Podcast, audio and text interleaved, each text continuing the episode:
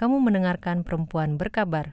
Program ini adalah hasil lokakarya Puan Fest yang diselenggarakan di Black Box Lini Institute pada tanggal 6 hingga 12 Oktober 2019. Perempuan Berkabar, suara perempuan Sumatera Barat untuk Indonesia.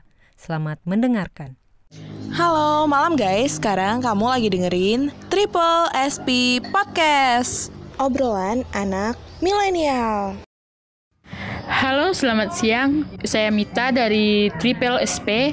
Sekarang saya mau sharing-sharing nih soal suka duka partisipan yang berada di Lini Institute dengan narasumber Farah. Farah, apa kabar? Halo, selamat siang. Aku Farah. Kabar aku baik. Kabar kamu gimana? Alhamdulillah baik. Jadi langsung aja nih Farah, kita ngebahas tentang pengalaman kamu selama di Galeri Lini Institute. Gimana suka dukanya bisa sharing nggak ke teman-teman semua? Kalau dari aku pribadi, suka dukanya itu ya banyak. Contohnya itu kayak huh? terkadang kita bangun semuanya kesiangan uh, karena terus? kita kecapean gitu karena kita terjun lapangan, kita survei keliling pasar, keliling rumah untuk mencari suatu isu yang bisa kita angkat dan kita jadikan topik pembicaraan di forum komunikasi perempuan.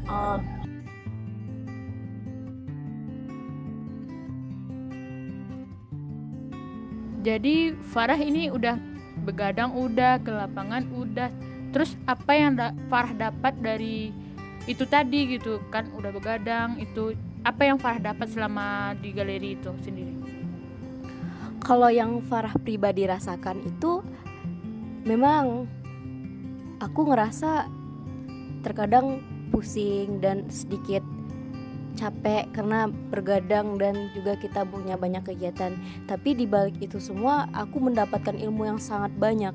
Ilmu yang bahkan aku pribadi belum tentu aku dapatin di kampus atau mungkin di organisasi aku yang lain. Tapi aku bisa mendapatkan itu di Lini Institute.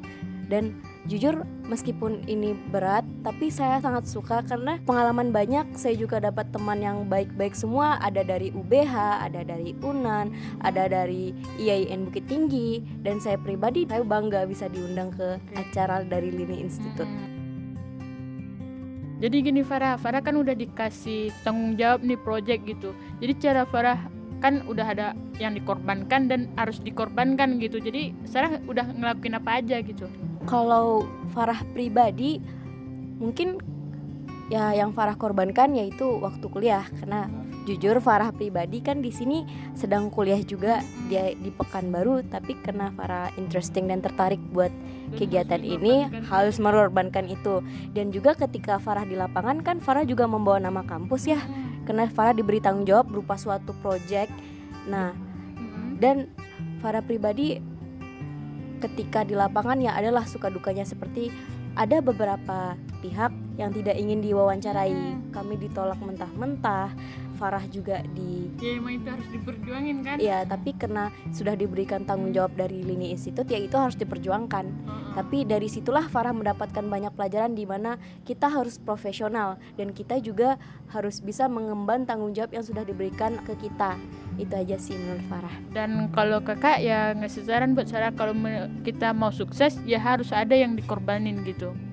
Jadi kakak minta nih buat Sarah buat penutupannya nih, uh, Sarah mau kasih kesan pesan saran atau apa gitu buat mendengar nantinya. Kalau pesan Farah sih satu, ketika kita diberi tanggung jawab seberat apa pun itu, sesulit apa pun itu, kita harus melakukannya karena itu adalah tanggung jawab yang orang berikan kepada kita karena mereka percaya kepada kita. Baiklah, itu pengalaman suka duka Farah selama di Galeri Lini Institute. Berjumpa di episode berikutnya. Bye bye semua.